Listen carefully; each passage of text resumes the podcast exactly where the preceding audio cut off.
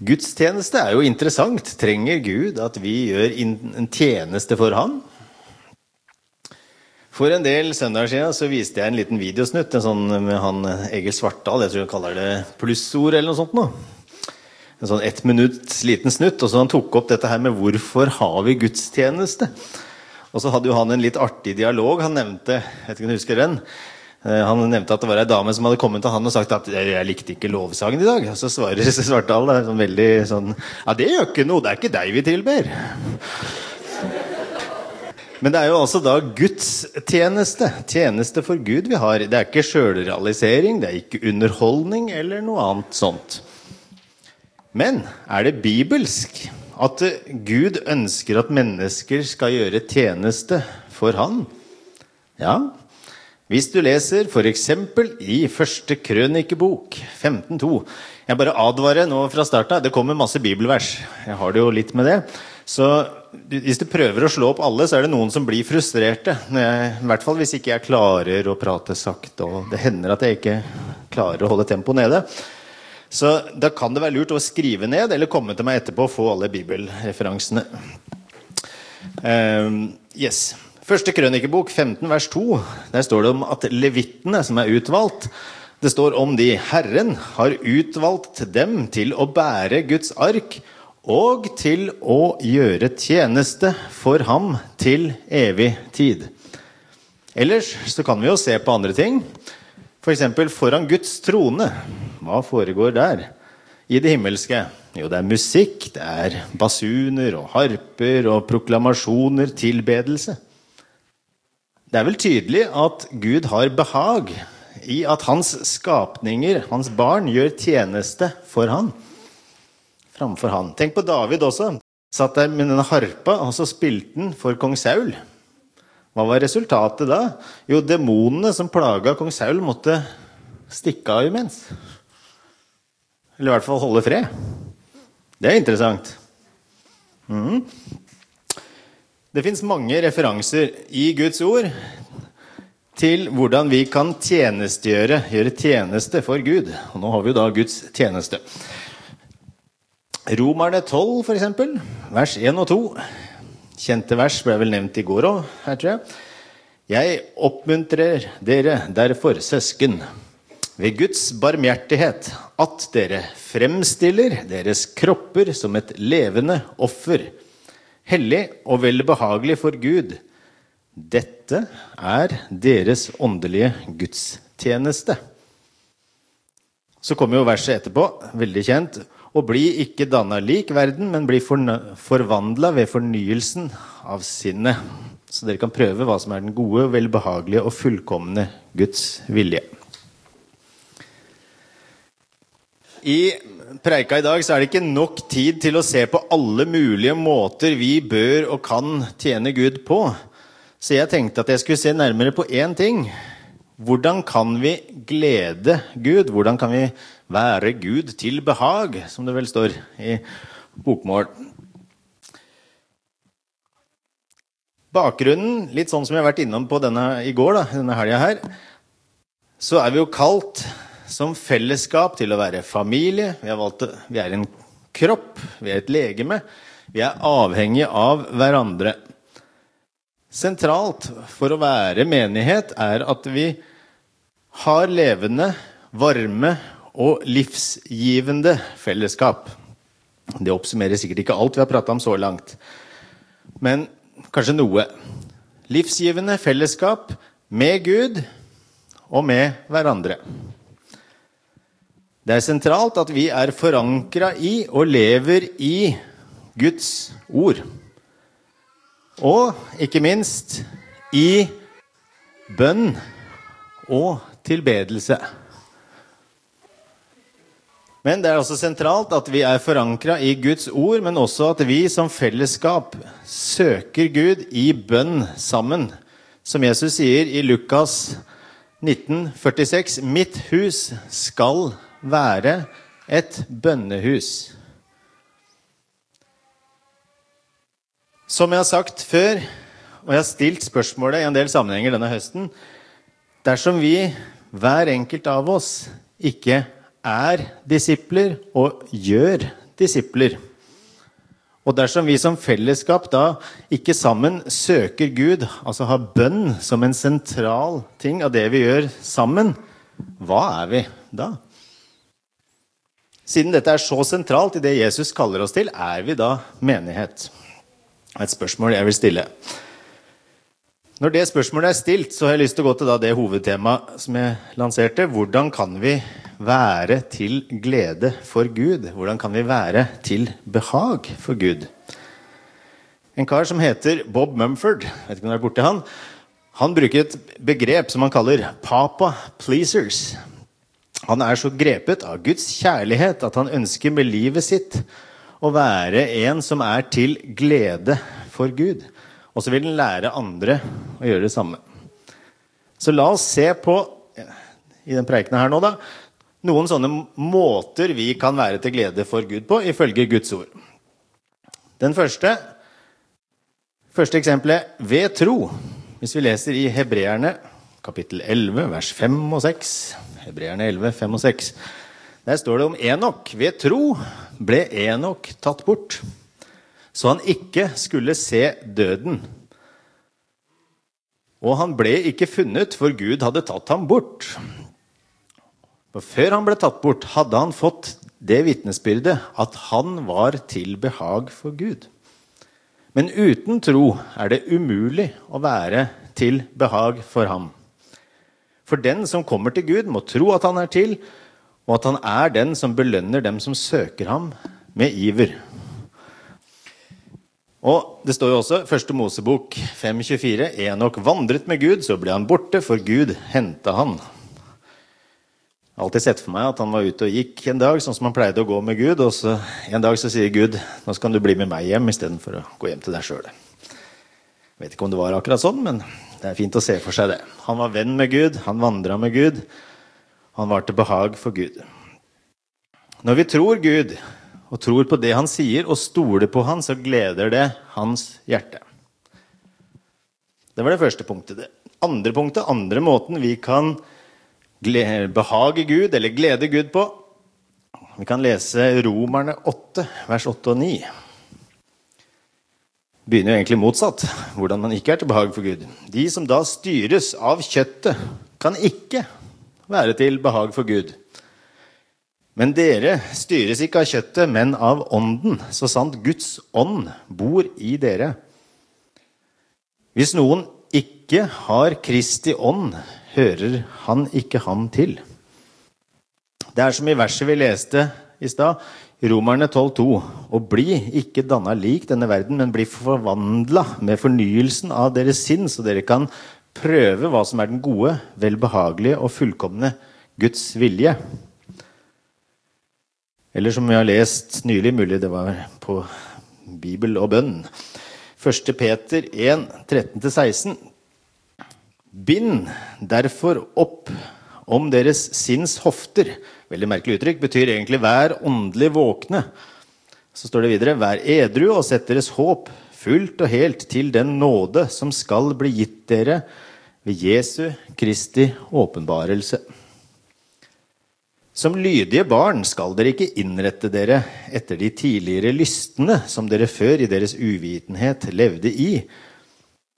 Men slik Han som kalte dere, er hellig, skal også dere være hellige i all deres ferd. For det står skrevet dere skal være hellige, for jeg er hellig. Vi er til glede for Gud når vi vandrer i ånd i Hans nåde og kraft, og ikke i egen styrke. Som jeg tror Stian fikk understreka i talen sin i går òg. Vi skal ikke heller stole på vår menneskelige evne til å tenke lurt og finne ut av ting, men vi skal stole på Han. Ordspråkene 3.5 så står det Lit på eller stol på Herren av hele ditt hjerte. Støtt deg ikke på din egen innsikt. Jeg kunne hatt, og jeg tror faktisk jeg har hatt, en hel preken om dette her, om å ha samme sinnelag som det som var i Kristus. Det står i Filippe-brevet 2, blant annet. Skal ikke ta det nå. Les gjerne Filipperne 2. Tredje punktet. Når det gjelder å være til glede for Herren, så står det at Herren har sin glede i de som frykter ham. Salme 147 vers 11, for eksempel, det står mange vers om det, så står det Herren har behag i dem som frykter ham, i dem som setter sitt håp til hans miskunn, hans barmhjertighet. Å frykte Gud, det er ikke å være redd for Han som han trekker seg unna. Bare tenk på hvor mange ganger det står i denne boka her, når han møter sitt folk, så sier han 'frykt ikke'. Så gudsfrykt er ikke det samme som å trekke seg unna Gud. Men sann gudsfrykt, det er frykt for å komme på avstand fra Gud. Samtidig så er sann gudsfrykt noe mer enn bare en sunn respekt det er et element der av noe om at han veit alt. Han er hellig, han er rein, han er umåtelig stor, han er skremmende stor. Ja, han er så uendelig god at det er skremmende godt å være hans. Nå er dette også et stort nok tema til ganske mange prekener. så Jeg skal ikke ta så mye mer om det. Det var punkt tre. punkt fire om å være Gud til behag. Etterlign Jesus. Vi bør etterligne, søke å være lik Jesus for å være til glede for Gud. Det står i Matteus 17, vers 5. Dette Det er altså Gud som sier, 'Dette er min sønn, den elskede. I ham har jeg velbehag. Hør ham.' Og så vet vi at Jesus sa i Johannes 8, 29, 'Jeg gjør alltid det som behager ham'.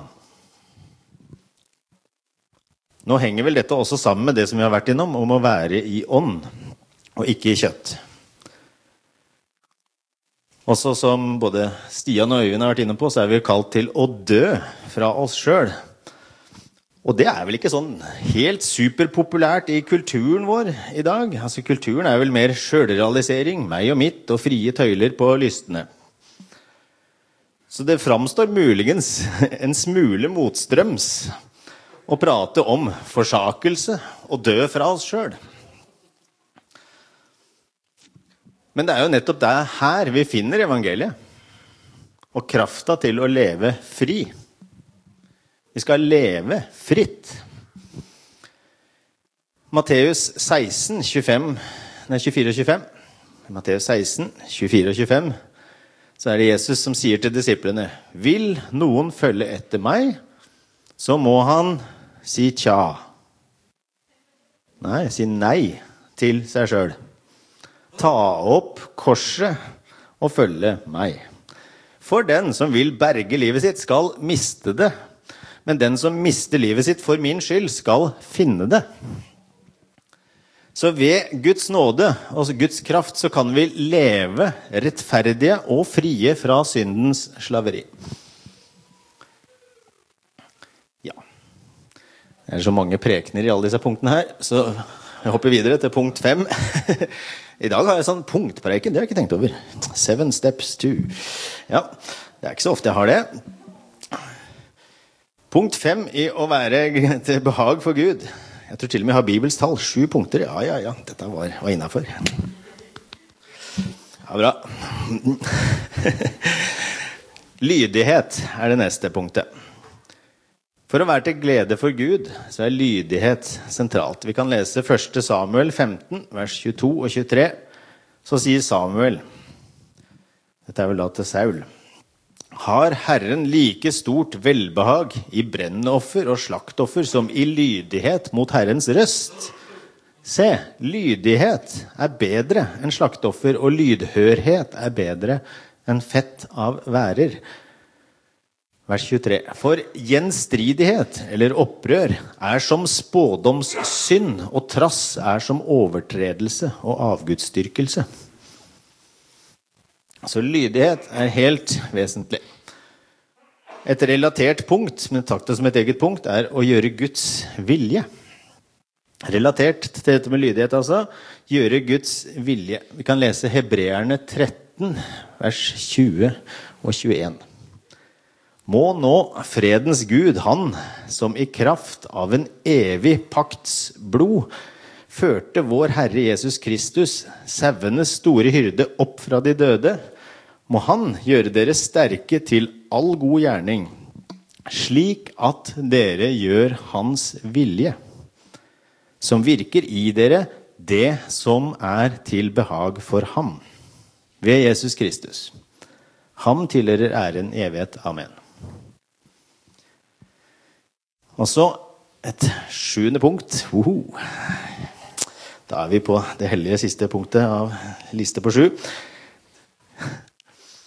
Lovprisningsoffer. Hebreerne samme kapittel litt før, vers 15 og 16 i Hebreerne 13, så står det La oss derfor ved ham alltid bære fram lovprisningsoffer for Gud, det vil si frukt av lepper som lover hans navn. Men glem ikke å gjøre godt og dele med andre, for Gud har behag i slike offer. En sånn fallgruve underveis i alt dette her kan være at vi blir for opptatt eller søker for mye å være andre mennesker til laks mer enn Gud.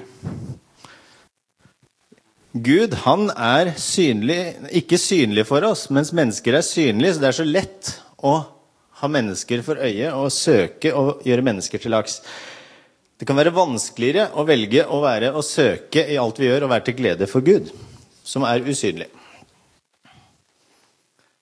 Jesus advarer mot dette her, å gjøre, søke å gjøre andre mennesker fornøyd, og samtidig late som om vi prøver å gjøre Gud fornøyd. Matteus 6,1. Ta dere i vare, sier Jesus da så dere ikke gjør de fromme gjerningene deres foran øynene på folk, for at de skal legge merke til dem. Da får dere ingen lønn hos Far deres i himmelen. Så har han to tilsvarende advarsler i vers 5 og vers 16 når det gjelder bønn og faste.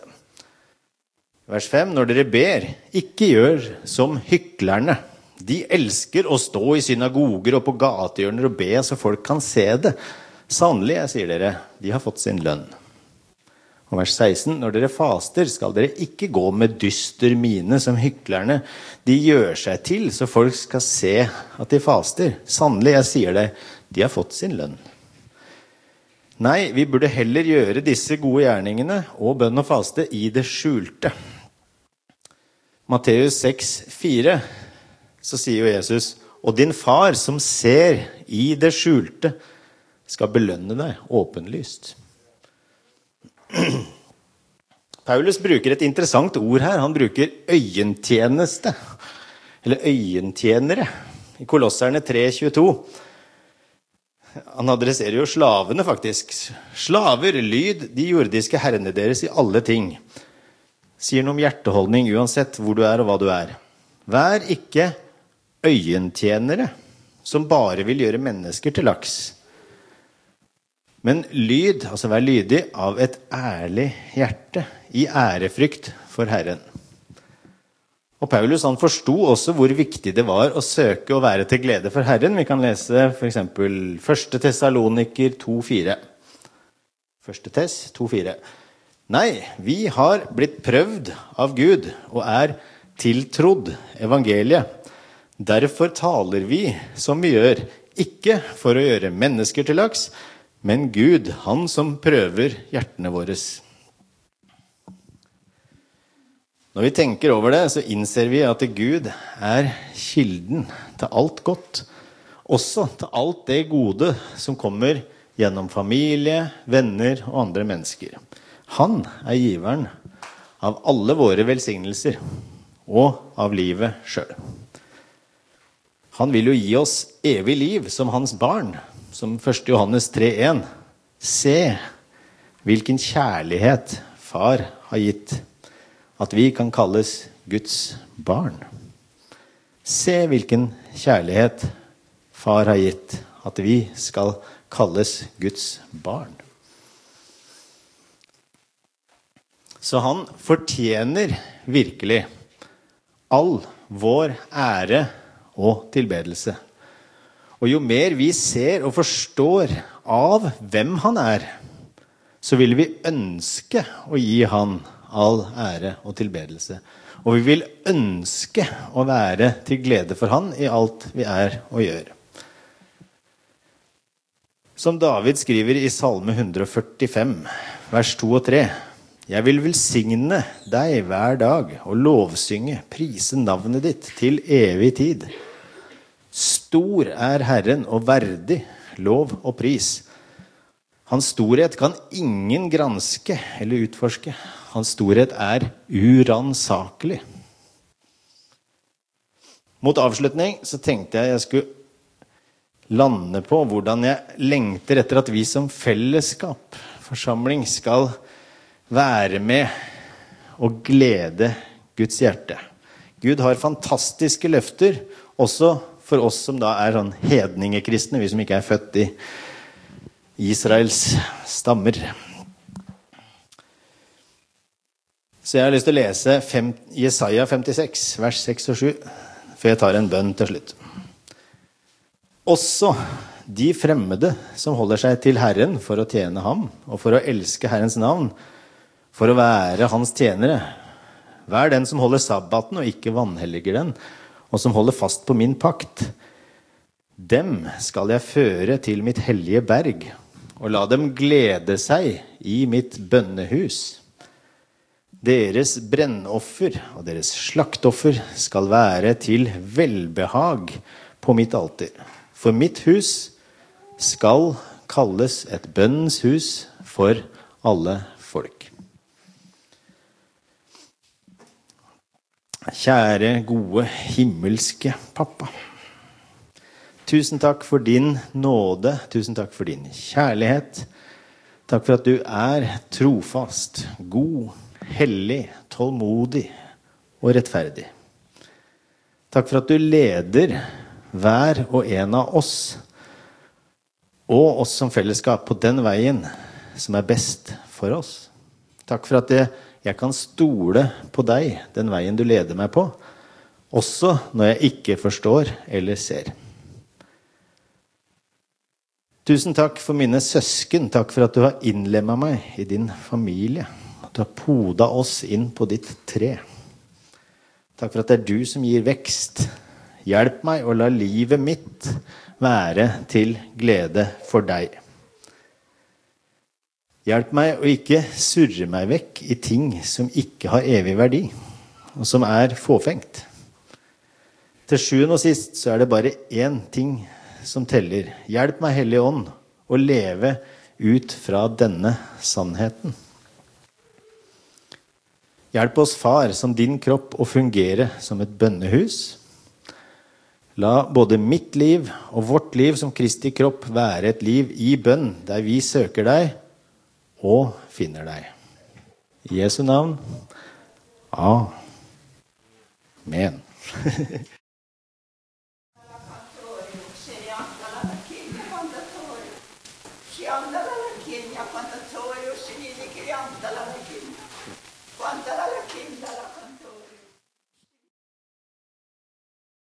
Når jeg samler mitt folk, så skjer det på overnaturlig vis. Når jeg bygger min menighet, så er det et verk av min ånd. Dere kan prøve å få det til i egen kraft. Dere kan prøve å legge opp til samarbeid, men når menigheten skal bygges, så er det et verk av meg. Hvis menneskers hjerter skal knyttes sammen, så er det et verk av min ånd.